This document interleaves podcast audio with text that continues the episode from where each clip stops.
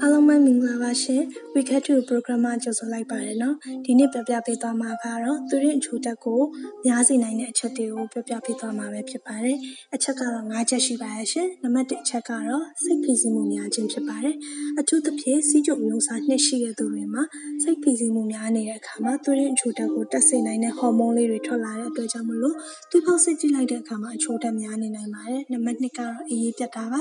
အေးဝဝအိပ်ဖို့ကလူတိုင်းရဲ့ကိုယ်စိတ်ကြမ်းမာရေးနှစ်ခုစလုံးအတွက်အရေးကြီးလာပါတယ်။စီးကျူရှိတဲ့သူတွေအတွက်ဆိုရင်ပိုလို့တောင်မှအရေးကြီးပါတယ်နော်။နံပါတ်3ကတော့ဖျားနာတာပါ။နေထိုင်မကောင်းဖြစ်နေတဲ့အချိန်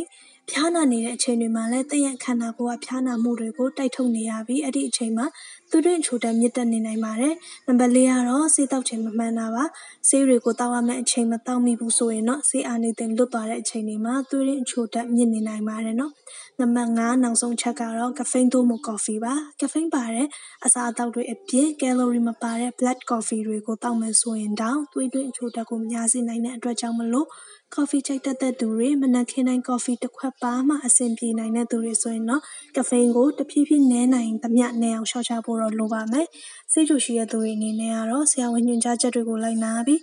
ရက်ချိန်တိုင်းပုံမှန်ပြဖို့ကတော့အရေးကြီးဆုံးအချက်ပါပဲနော်။အားလုံးကျေးဇူးတင်ပါတယ်ရှင်။